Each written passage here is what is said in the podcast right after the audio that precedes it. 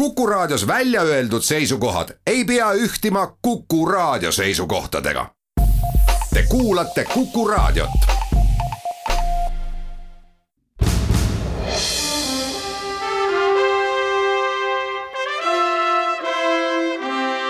vahetund Postimehega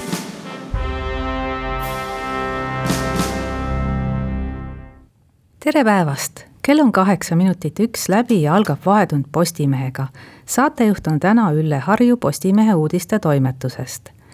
esimesena tuleb saates juttu inimestele ebameeldivusi põhjustavast salajasest perearsti vahetusest, millest kirjutab tänases Postimehes Kertu Kirjanen Kertu, sa kirjeldad kõhedaks tegevat olukorda, et inimene helistab näiteks oma perearstile ja kuuleb, et number pole enam kasutusel patsiendiportaalis on kirjas võõra perearsti nimi ilma kontaktandmeteta ja lõpuks, kui õnnestub perearstikeskuse kodulehelt leida teade, et arst on läinud pensionile ja tema nimistu on antud kellelegi teisele. miks nii olulisest muudatusest patsientidele teada ei anta? no tegelikult äh, neid põhjuseid on äh, mitmeid aga see suurim põhjus äh, on see, et äh, paljud perearstid on vanuses äh, kuuskümmend, seitsekümmend pluss. ja see tähendab, et nad lähevad ühel hetkel pensionile. ja kuna pensionile minejaid on palju, siis perearstide nimistuid liidetakse ja lahutatakse pidevalt. ja see omakorda siis tekitabki nii-öelda perearsti maastikul selle segaduse ja sellises segaduses on äh, keeruline inimestele tegelikult teada anda, et äh, sinu perearst läks nüüd pensionile ja sulle määrati keegi teine. kas on teada ka, kelle kohustus see oleks või on see üldse segane olukord, et keegi tegelikult ei tea, et kes peaks sellest patsientidele teada andma? no tegelikult ei teata jah, et äh, noh, loogiliselt võttes, kuna Terviseamet on ju see, kes neid perearsti konkursse korraldab ja teeb, siis äh, mina vaataks selles küsimuses äh, pigem nende poole. et võib-olla võiks tekitada mingisuguse ühtse süsteemi, mis inimest automaatselt äh, perearsti muutumisest teavitaks. Ja noh, kõige turvalisem ilmselt oleks seda teha SMS-i teel, et kui saata e-kiri, siis ei pruugi ka vanemate inimesteni jõuda.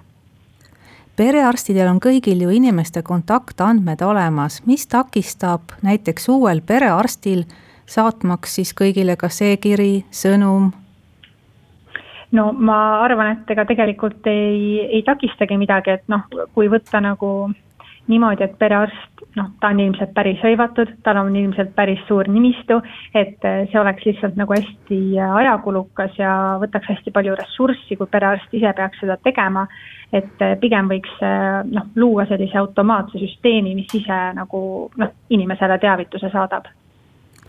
aga tundub, et Terviseamet ei paista üldsegi olevat mures, et selline probleem on või nad siiski midagi juba liigutavad? Äh, minu, äh, minu teadmiste koha pealt äh, ei liiguta nad praegu midagi kahjuks see on küll kurb kuulda, sellepärast et eelkõige ju vanemate inimestega on probleem, et kui noor inimene veel oskab kuskilt interneti avarustest otsida, et kus see uus perearst võiks olla või, või üleüldse aru saada, et miks telefon ei vasta, siis vanem inimene võib ju päris paanikasse sattuda. kas sul on mingisugused mõtted, kuidas võiks vanemaid inimesi sellise häda korral aidata? Ehm, no ma ikkagi, ma arvan, jään praegu sellesama vastuse juurde, et äh, noh, nagu ma ütlesin e, e-kirja ilmselt oleks mõttetu saata, et äh, paljudel noh, ma eeldan, et paljud vanemad inimesed võib-olla, et neil ei olegi arvutit, neil ei ole võimalik ligi pääseda oma emailile, kui neil see üldse on. et äh, noh, ma kujutan ette, et selline noh, üllatus, et talle on määratud nüüd uus perearst, võibki tekitada palju segadust, et noh, see SMS on, ma arvan, kõige, kõige selline efektiivsem lahendus siinkohal sa rääkisid ka mõne perearstiga, mida nemad arvasid, et mis peaks tegema, et asi paraneks? ja rääkisin perearsti Madis Veskimäega,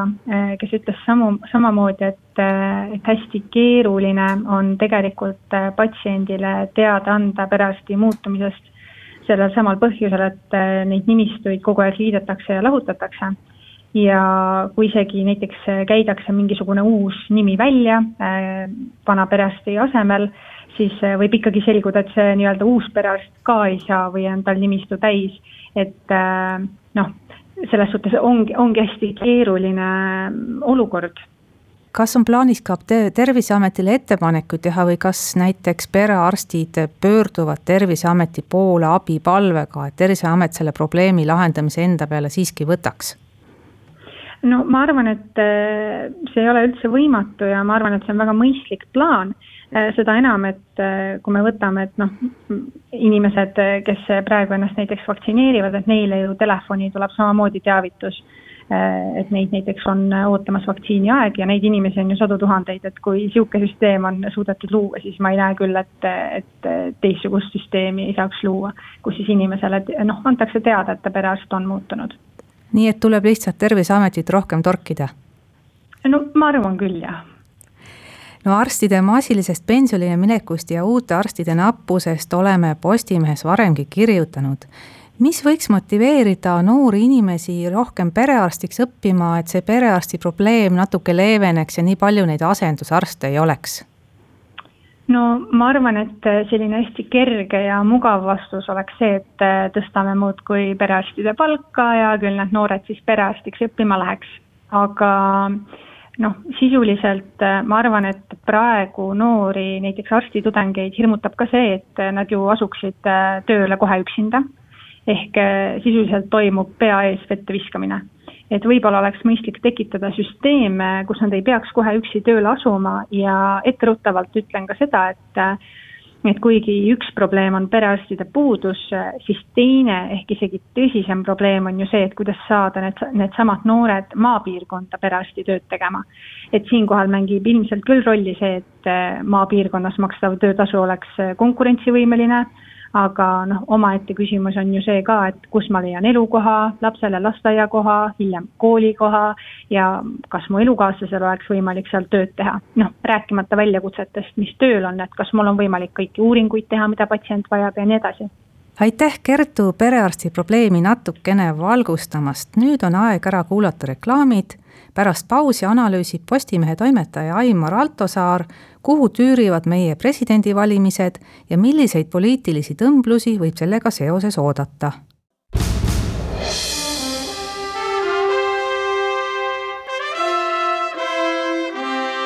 vahetund Postimehega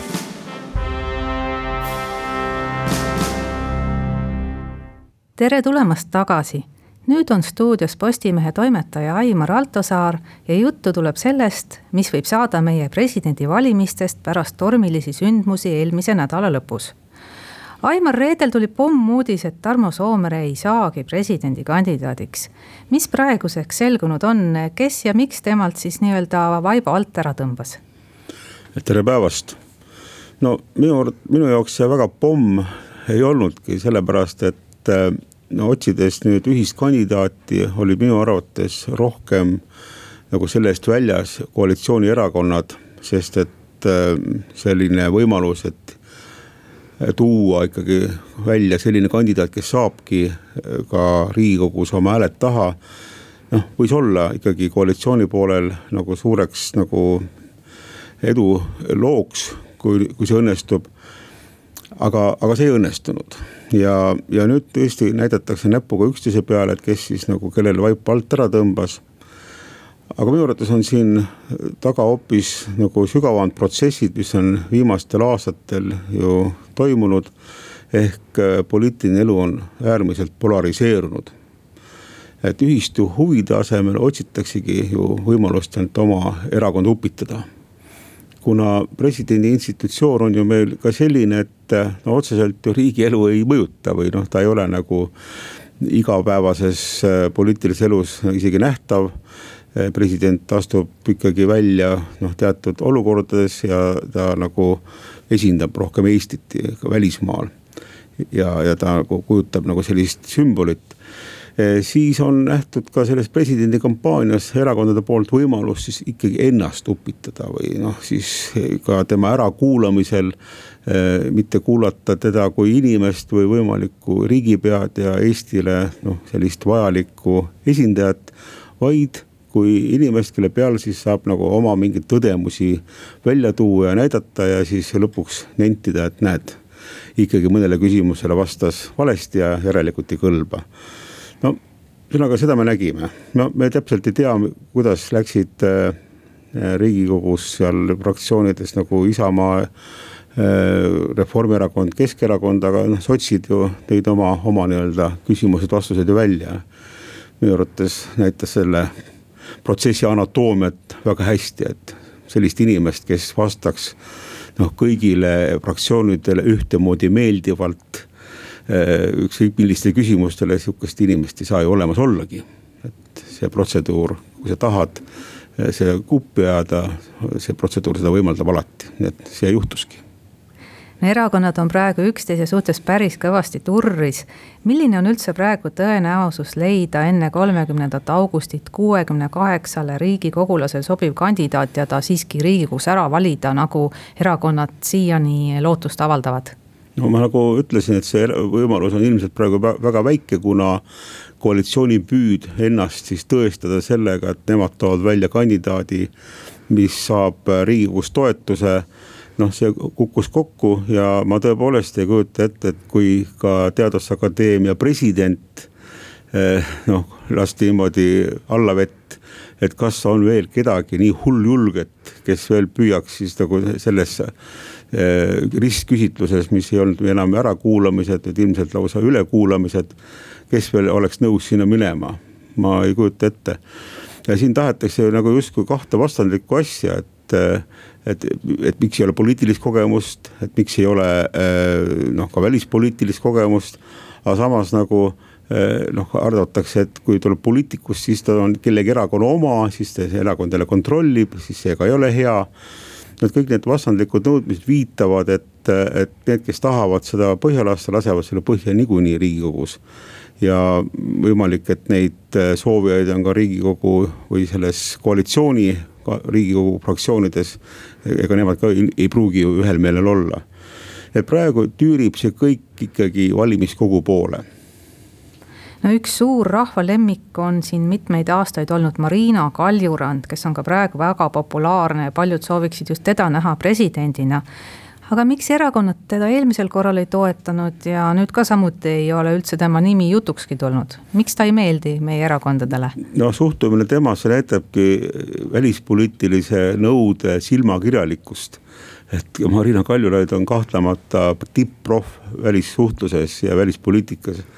Et kui eh, erakonnad peaksid seda nii oluliseks, nagu nad siin Tarmo Soomere puhul nagu maininud. no siis võiks ju Marina Kaljurand olla hea kandidaat aga me ju näeme, et seda ei peeta oluliseks praegu saistatakse, et presidendikandidaadiks võidakse üles seada Keskerakonna esimees Jüri Ratas. kes on seni vastanud, et no täna ei soovi ta presidendiks kandideerida, aga mida ta soovib homme, selle ta jätab mainimata. Kuidas tundub, kas Ratas võib presidendiks kandideerida, võib, võidakse ta üles seada? no minu arvates äh, tasuks siin Jüri Ratast uskuda. Äh, tal on olnud üsna ränk aasta ja, ja ma arvan, et ta on olnud väga siiras, kui ta on tõesti taotlenud riigikogu esimehena äh, tuua nagu riigikogu fraktsioonid riigikogu ühe presidendikandidaadi taha, et midagigi koos ära teha. et et noh, selle, sellest aastast vähemalt poliitilises elus mingisugune positiivne märk ka tema jaoks oleks olemas. aga, aga noh, see nagu ei tulnud välja, nagu me näeme ja ma olen väga pessimistlik, et see üldse nüüd oleks reaalne, aga ma arvan, et Jüri Ratas on seda tõesti soovinud kas tema nüüd edaspidi kandideerib või ei kandideeri, kas talle tehakse ettepanek või mitte, me ei tea seda. Ma arvan, et mina siin äh, ei näeks nagu väga selliseid keerulisi skeeme, nagu noh, on eksperdid öelnud, et noh, Jüri Ratas võib oma poliitilise õpetaja Edgar Savisaare moodi käituda, et käib midagi välja, aga pärast tõmbab eh, tooli alt ära. no ma ei tahaks seda uskuda, et, et ma arvan, et Jüri Ratase püüdlused selles kohas on olnud siirad. kui nüüd presidendivalimised lähevad tõesti valimiskokku, kellel võivad seal kõige paremad šansid olla valitud presidendiks saada? no eks ikka, kui on rohkem rahvast koos, on ka rohkem arvamusi ja, ja rohkem ootamatusi, neid me oleme ju ka näinud siin Riigikogu valimiskogude töös varasemate presidendivalimiste puhul. aga ma arvan, et valimiskogus on šansid paljudel, ma arvan, et on šansid nii praegusel presidendil on noh, võimalik mõnel neist, kes praegu on nii-öelda läbi kõrvetatud riigikogu vooru teel Äh, võimalik, et on ka äh, noh, Henn, Põlluaasal, kelle kohta on arvatud, et peale EKRE teda keegi ei toeta, aga noh, me ei tea, kuidas valimiskogu ikkagi käitub ja palju ühel või teisel on toetajaid. ja kindlasti ei saa välistada, et äh, tulebki veel keegi täiesti uus, keda me praegu ei tea või hakkame alles nägema, et noh, tänagi on riigikogu liikmed saanud Klaveri vabriku omanikult Indrek Laulult informatsiooni, et ta põhimõtteliselt ilmselt ka valmis kandideerima, me ei tea, kas ta saab toetust või ei saa, aga tõenäoliselt on ka tema ilmselt seal valimiskogus. et seal on palju määramatust ja, ja see on hoopis teine mäng. et, et seda me peame juba arutama siis, kui see riigikogu läbi on ja, ja seal me peaksime nagu vaatama väga hoolega ikkagi, kes need siis nagu välja käiakse ja milline see kombinatsioon on sest valimiskogus on ju ka mitu vooru. et iga voor võib nagu luua täiesti uusi, uusi selliseid võimalusi ja ruume no praegu on seoses presidendivalimisega välja käidud ka uus selline äh, kahtlustus või, või oletus, et kui siin presidendivalimised nii või naa lähevad, siis võib tulla kohe otsa ka valitsusvahetus ehk siis äh, spekuleeritakse, et tuleb äh, uus vana valitsus ja peaministriks võib saada Martin Helme.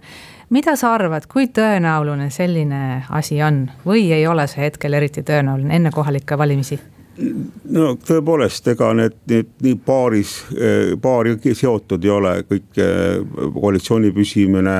presidendivalimised, kohalikud valimised, aga mõjud, mõjutavad kindlasti kindlasti mõjutavad ja, ja ka see, et kui koalitsioonil õnnestuks ikkagi nüüd leppida kandidaat kokku, et riigikogus ära valida ja noh, saaksid ka toe eh, riigikogu opositsioonist selleks. no see kindlasti tugevdab koalitsiooni, ma arvan küll, see oleks nagu nendele suur nagu noh, võidumärk ja eh, noh, noh, kui nüüd toimub siiski eh, noh, koalitsiooni noh, nagu ütleme, sümpaatsem kandidaat saab äh, või koalitsiooni mõlemale osapoolele enam-vähem vastuvõetav kandidaat saab äh, valimiskogus valituks. noh, see võib ka ikkagi veel olla äh, hea märk, aga, aga võib juhtuda ka täiesti vastupidine, noh. me ju mäletame kahe tuhande esimese aasta valimisi, kui tolleaegse koalitsiooni suureks ehmatuseks valiti ju ikkagi selgelt opositsiooniline poliitik eh, Arnold Rüütel ja ega siis ei olnud ka sellel koalitsioonil pikka iga. Aitäh, Aimar, pärast pausi vahendab Postimehe välisuudiste toimetaja Karl-Hendrik Pallo, miks ja kelle vastu kütab Ungari valitsus üles Ungari rahvast.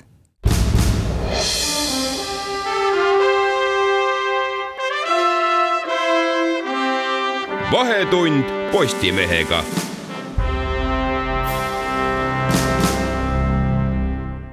tere taas stuudios on Ülle Harjut Postimehe uudistetoimetusest. nüüd on meil telefoniühendus Karl-Hendrik Palloga, kes on Postimehe välisuudiste toimetaja ja käis just Ungaris ning tegi esmaspäevases Postimehes ülevaate seal toimuvast massilisest poliitpropagandast, mida teeb valitsus eesotsas peaministri Viktor Orbaniga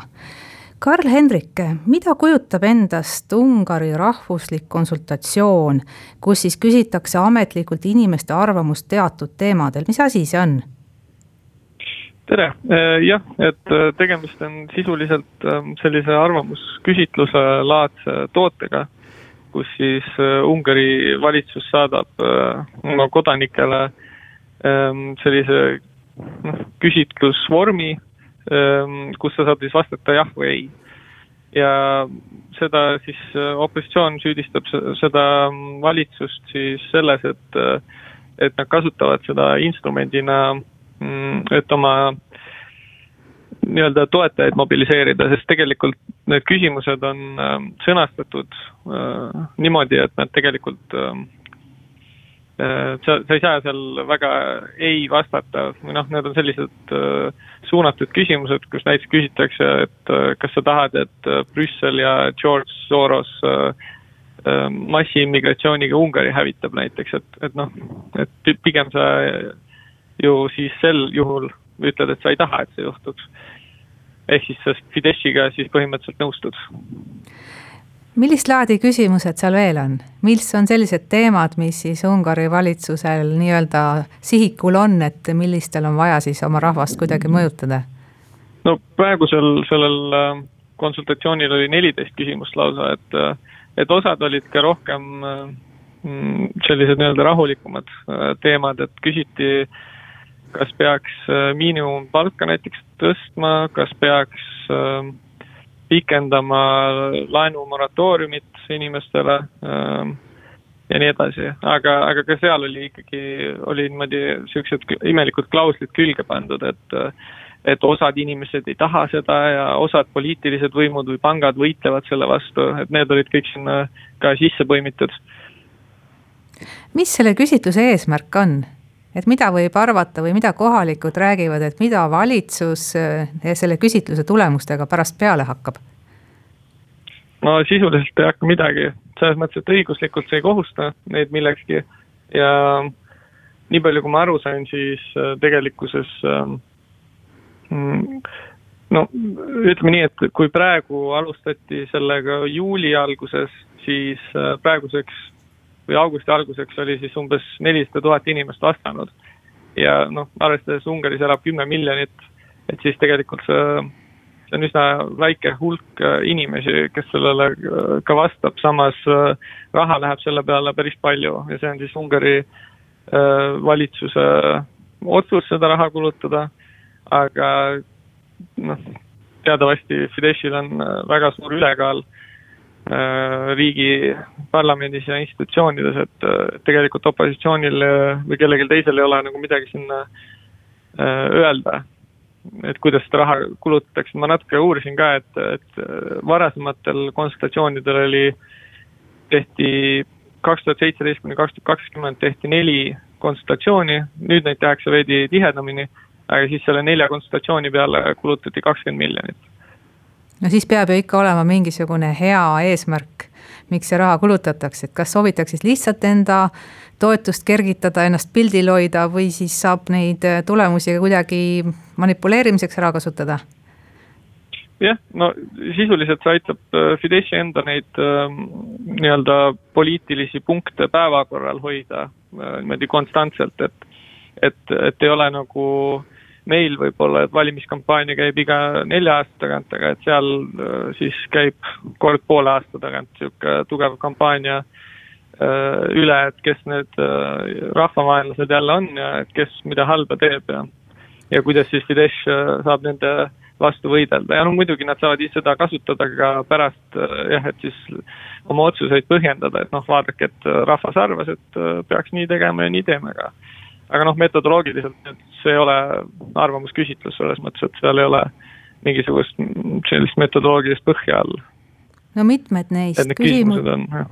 mitmed neist küsimustest on samad, mida, millega meil ka siin EKRE tegeleb. et siis on siis vaen migrantide ja homoseksuaalide vastu, et see ei üllata eriti eestlasi. aga miks kütab Ungari valitsus oma rahvast üles just Brüsseli ja Ungarist pärit üheksakümne aastase miljardäri George Sorose vastu?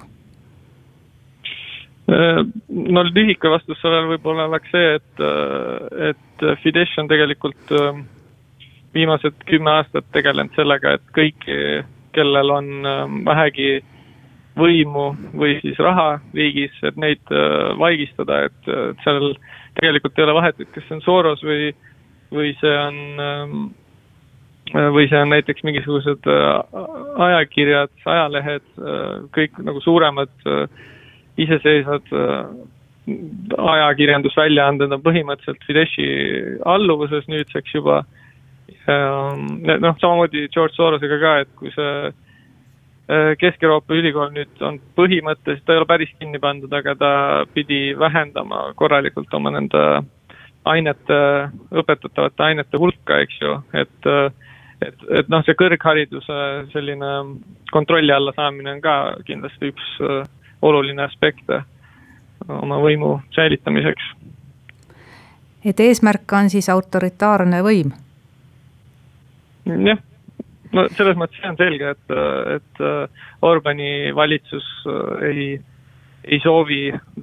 tegelikku liberaalset või pluralistlikku süsteemi, vaid äh, pigem jah, et kõik oleks nende käes ja nemad saavad teha asju nii, nagu nemad tahavad. no palju on räägitud, et valitsus pitsitab seal kohalikke ajakirjanikke, aga kuidas sul nagu välisajakirjanikke, et kas sa ise tundsid seal mingit sellist kotkapilku endal või keegi üritas kuidagi segada su tööd seal? ei, nii palju, kui ma suhtlesin äh, ka kohalike näiteks ajakirjanikega, et siis et see kohapealne surve on ka pigem selline, et lihtsalt hoitakse infot ja, ja üritatakse survestada nagu kõrgemalt poolt, et et, et noh, sellist, et mingisugust füüsilist ohtu nemad ka ei taju. kuigi ma tean seda, et mõned aastad tagasi siis, kui ehitati seda piiritara seal äh, Ungari piiril, et siis äh, need välisajakirjanikud, kes läksid sinna pildistama äh,, need küll eskortiti sealt minema kiiresti. et aga sellist otsest äh, töö segamist ei ole, et äh, pigem on just selline infosõda, et, et sellised nii-öelda mittesoovitavad ajakirjanikud lihtsalt ei saa infot kätte või antakse neile valeinfot või mida nad rääkisid seal, kolleegid? Äh, jah, pluss ma lisaks seda lihtsalt, et et noh, et kui, kui sul see kogu ettevõte, kus sa töötad, eks ju, ajakirjanikuna ära ostetakse, toimetus lahti lastakse või siis äh, peatoimetaja lahti lastakse ja tuuakse oma need lojalistid asemele, et siis seal see tegelikult äh, noh, see tsensuur töötab niimoodi lihtsalt. aga seal on iseseisvad äh, väiksemad ehm, siis sellised ajakirjanduslikud väljaanded, mis töötavad ehm, näiteks ehm, oma lugejate äh, annetuste äh, põhiselt. aga, aga nüüd see viimane, see Pegasuse nuhkvaraskandaal, et seal need ähm, ajakirjanikud, kes, ähm, kes selle valitsuse, valitsuse jälgimise all olid, et need tegelikult olid ka kõik sellistest väikestest äh, ajakirjandusväljaannetest, just. et neid siis ka tegelikult, neid, neid hoitakse silma all kui suur osa valitsuses, kui suur osa rahvast toetab valitsust ja kui suur osa mitte, kas selle kohta on midagi teada? Äh, jah, no see, sellele on võib-olla raske vastata, ma tean seda, et kaks tuhat kaheksateist, eks ju, kui nad äh, valimisvõidu võtsid, siis neil oli peaaegu, peaaegu viiskümmend protsenti valijatest hääletasid Fideszi poolt, nii et selles mõttes neil, neil on riigis ikkagi väga suur äh, populaarsus ja ja aga noh, seda nad kasutavad äh, natuke kurjasti ära lihtsalt. kui sarnane on see Ungari valitsus, ütleme meie EKRE-ga mm,? no äh, raske öelda või noh, selles mõttes, et äh, eks kindlasti meil ka populistlikud erakonnad nagu EKRE ka, et on väga äh, Äh, palju ähm, välismaist äh, sellist ekspertiisi äh, importinud, et kuidas valimiskampaaniat teha ja kuidas vastaseid otsida igalt poolt ja leida neid, aga, aga, aga jah, ma ei, siin vist jään natuke vastuse võlgu, et, et tegelikult ma, kui ma tagasi tulin Ungarist, siis äh, mul Facebooki kaudu just äh, saadeti ka selline mingisugune, mitte päris küsimustik, aga Isamaal on äh, mingisugune sotsiaalmeedia kampaania, kus küsitakse, küsitakse ka, see oli midagi maamaksu kohta. Äh, ka enam-vähem, et kas sa tahad maksta seda, mis on noh, jabur küsimus natukene, et et, et tegelikult neid selliseid mingisuguseid äh, pseudoküsimuste tegemist, et seda kasutavad teised erakonnad meil ka no nii, aitäh, Karl-Hendrik. nüüd tuleb väike reklaamipaus. pärast seda räägime Liina Laksiga Postimehe majandustoimetusest. arutluse all on, millised on võimalused takistada laenu andmist sellistele inimestele, kes ei suuda laenu tagasi maksta.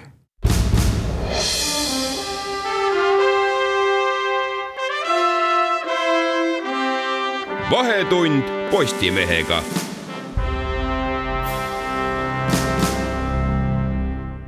nüüd ajame juttu Postimehe majandustoimetuse töötaja Liina Laksiga, kellel ka on teemaks see, et kuidas võiks olla võimalik takistada laenu andmist neile inimestele, kes ei suuda laenu tagasi maksta. Ja seavad seetõttu näiteks omast kodust ilma et seaduse järgi on laenu andvatel ettevõtetel kohustus hinnata, kas laenu küsiv inimene jõuab igakuiseid laenumakseid tasuda. ehk siis peab analüüsima, millised on inimese sissetulekud ja millised rahalised kohustused. kui palju raha kuu lõpuks üle jääb, see summa saakski laenumakse suurus olla. tundub lihtne, aga ei toimi. miks, Liina, mis sa arvad? no siin on põhjuseid on nagu palju, et sa võid ju põhimõtteliselt ju analüüsida nii palju kui tahad, aga vaata elu võib tulla inimestele vahele, et ja kui see on näiteks need laenumaksed on nagu teinekord kalkuleeritud ka niimoodi, et äh, sa mõtled, et jaa, mul on näiteks mingi elukaaslane, sa lähed lahku ja sa vaatad ups, et äh, pool sissetulekut on justkui läinud, et igasuguseid põnevaid asju võib elus ette tulla. ja milles ongi nagu häda, on tegelikult on, oled sa nagu topelthädas, sest Eestis on üks äh, selline, mis ei ole Eesti probleem ainult, aga see on nagu üldiselt selline kehv asi, et viimasel ajal on näiteks tõusnud ka üürikorterite hinnad, eks aga samas kodulaenu tagasimakse on noh, tavaliselt ikkagi väiksem kui siis üürikorteri üür, et aga samas, kui sul on väike palk, noh siis sa taodki võib-olla oma viis-kuus, noh, oleneb palju sul, kui suur korter jääb, kas lapsi ja nii edasi on, selle asemel, et äh, võtta siis pangast laenu, aga pangast laenu ei saa, kuna sul on palk väike, eks ole, et siis noh, ütleme nii, et ega väga äh, selline kulukas asi on olla vaene ja kui sul ütleme, et üks äh, selline mutrike seal elus hakkab seal nagu veerema, siis tõenäoliselt kogu see masin seal li, nagu lagunebki koostööga, siis jõutakse hästi kiiresti ka kiirlaenu juurde, mis on nagu tõesti saatanast, et sa tahad olla kindel, et äh, rikkuda oma elu ära, noh siis jumala eest mine kohe kiirlaenu võtma, et seda intressi ja liitintressi lihtsalt noh, inimese aju ei suuda lihtsalt peast kalkuleerida, see protsent on tal hästi väike, aga siis, kui sa näed kuu lõpus seda summat, siis see võib hakka olla, noh, lööb hinda kinni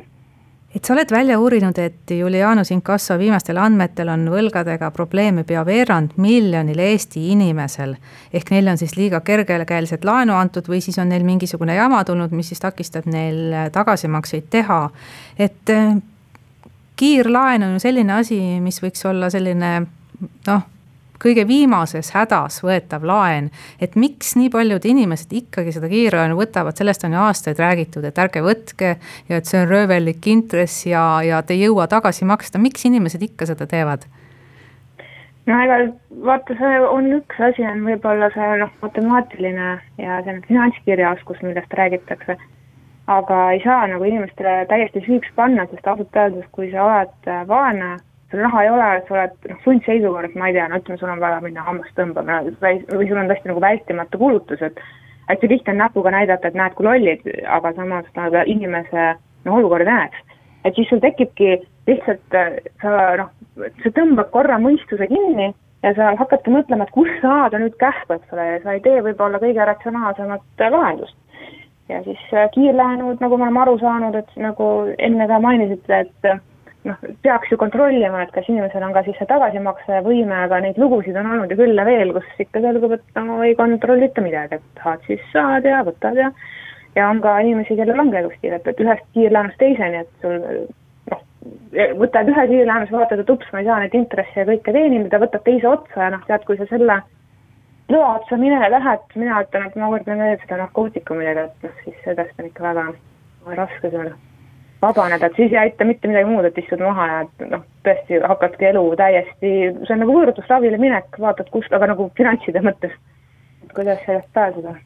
no laenu andvaid ettevõtteid see väga ei huvita, et isegi kui mõni inimene siis pankrotti läheb, siis teiste käest saab ikka raha kätte. ja ka rahandusministeerium ei tundu väga tegelevat selle probleemiga, et võiks kuidagi neid kiirlaenuettevõtteid ohjata. et mida sa arvad, kas neid peaks ohjama, et sundida ikkagi ettevõtteid midagi ette võtma, nad ei tohiks anda laenu inimestele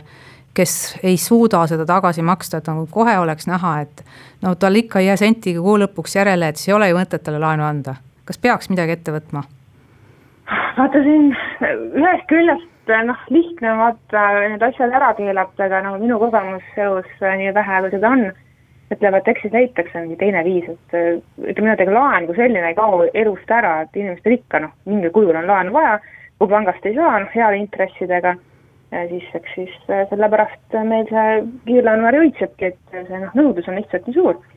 et siin nagu keelude-käskudega muud ei ole, et lihtsalt võib-olla ma inimestele tõesti soovitaksin, et tegelege siis oma noh, sissetulekute suurendamise poolega ja noh, mitte elada noh, nui neljaks, ma ei tea, võttagi selline seisukoht, et okei okay,, ma ei tee suuremaid kulutusi enne kolme aastat, enne kui mul on noh, mingisugune finantspuhver, et ma ei satukski lihtsalt sellisesse seisu, kus ma olen sundseisus ja ainu-, noh, pank ütleb, et Tšaubaka, sa ei ole noh, finantsiliselt nii ilus ja kaunis, sa ei ole kõrgharidusega mingi super-mega töökohaga kuskil ja sul ei ole nüüd selline palk nagu kuskil mingi pangajuhil ja noh, nagu me teame tegelikult, et noh, mis on nagu elus ajab nagu raskemaks, on see, et sul ei ole enam sellist majandusmudelit, nagu oli varem, et kõik on palgatööl ja kakskümmend, kolmkümmend aastat ja siis sa tead, et iga aasta üle protsendike sul palgake tõuseb ja noh, oledki selle ühe tööandja juures võib-olla aastakümneid, et sellist asja ei ole enam. Et kui sa vaatad kõiki need Wolti ja Bolti, et noh, et mis teed siis, eks ole, mis nendega saab. et sul ongi katkestused töökohtades, sul on katkestused palgal ja pank ütleb, et no teate, sa ei ole piisavalt seksikas meie jaoks. ja see on tõenäoliselt küsimus, mida ei küsi, noh, küsita Eestis, küsitakse ka mujal ka, et ega siin ei ole neid jutud niisama, et öeldakse, oi tead, noored ei jõua võib-olla osta endale kortereid ja kuidas nad siis nagu no teevad, et praegu ongi selline majanduslik asi nagu muutumises, et et tuleb, ei tohi nagu jääda teiste peale lootma ja tuleb ise kuidagi leida lahendused, aga noh, lihtsalt vaata inimestele otsa, kuigi kiirlaenu inimene ütleb, et kuna mul on sulle hea diil ja hea pakkumine, noh, tavaliselt need heade diilide pakkujad, ükskõik mida nad siis pakuvad, alates tolmuimelisest kuni kiirlaenuni, noh, ega nad tahavad ainult sinu kõige paremat osa ja sinu raha, et lõpuks sa lihtsalt kaotad selle, mis enne oli kaotatud ja kaotad veel natuke peale, et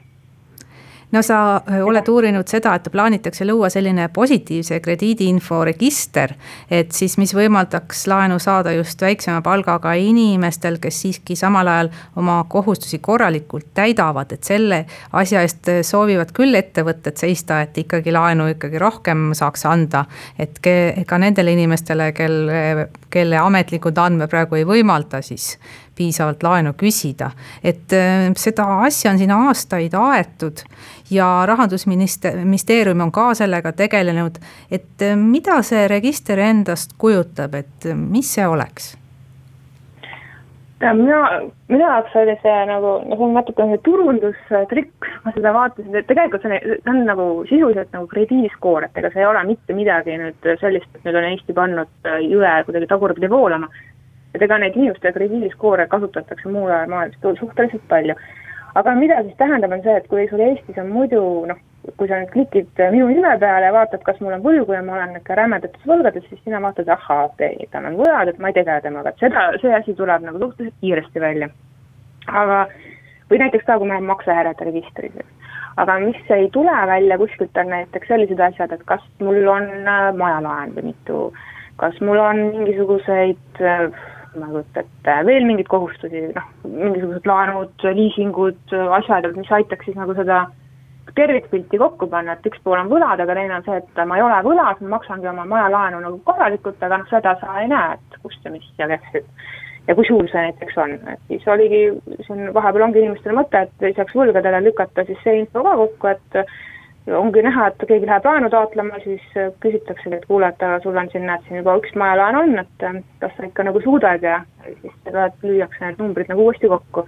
ja siis serveeritakse seda umbes niimoodi, et noh, miks ta nagu positiivne nii-öelda on, ongi see, et sul on ikkagi see pangast, noh, mis tegelikult tihtipeale on ikkagi üks soodsamaid laenu noh, saamise võimalusi, eriti kui sa mõtled, mis on alternatiivid, ehk siis meie kiirlaenu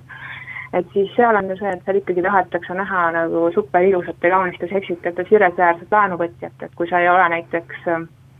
noor inimest kordan, et sa oled noor inimene, lähed laenu taotlema, sul palk ei ole võib-olla viis pluss senimaani, mis iganes, siis on nagu näha vähemalt sealt äh, nii-öelda positiivsest krediidiregistrist. et siis noh, et okei okay,, aga sa oled nagu noor, sa oled alati kõik oma telefoniarved näiteks maksnud õigeaegselt, et siis on see juba nagu väike pluss või selline, et sa ei ole nagu tühi leht. Äh, panga jaoks, kes on siis, kujutab endast suurt ja metsikut riski. kas see võib Aga olla hetkel, ka, kas see võib olla ka šanss äh, mustalt teenivatele kodanikele, kes siis saaksid ka laenu võtta, sest praegu, kui ikkagi arve on tühi, aga sularahast on taskud pungil, siis laenu võtta ei saa? no kui, ma arvan, et ega need, kellel on sularahast taskud pungil, et need ostavad siis lihtsalt oma sularaha eest, et ega neid näiteid on Eestis ikka kõvasti ka, kuidas tullakse ja öeldakse, et palun väga mulle siin sula eest väike maja, eks ju. et neid ei tasu üldse kaugelt otsida, aga seda olen ma ka uurinud, ega siin on ka öeldud, et noh, kust sa tõmbad selle äh, piiri siis selle musta ja mitte musta vahele. Ja sul hakkavadki mängima kõik need voltimised, voltimised, et äh, sul võib ka olla näiteks mingisugune auk, et sul näiteks kuu aega su sissetulekut ei ole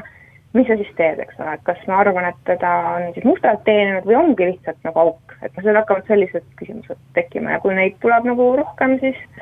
see on nagu selline küsimus tuleviku jaoks vaadata, mis seal on, et ausalt öeldes mul on see noh, mul on tähtis see, et inimesed saavad oma eludega hakkama ja ei noh, ei tüüta väga siin mingi sotsiaalsüsteemi ja kui siin kuskile naabrimehele käitakse korra mustat puid tegemas, noh, see on ausalt öeldes minu kõige väiksem probleem, mitte et ma agiteerin nagu mitte maksu maksma, aga noh, ausalt öeldes see, et sul on praktiliselt veerand miljonit eestlast on võlgades, keskmine võlasumma on muuseas kaks tuhat üheksasada eurot, et eh, siis see on, tundub nagu natukene eh, küsimus, et miks on siis nagu see hakkamasaamine kuidagi nii kahtlane. selge, aitäh, Liina selline saigi tänane saade, saatejuht oli Ülle Harju. järgmine saade tuleb nädala pärast, siis on saatejuht Anna Põld.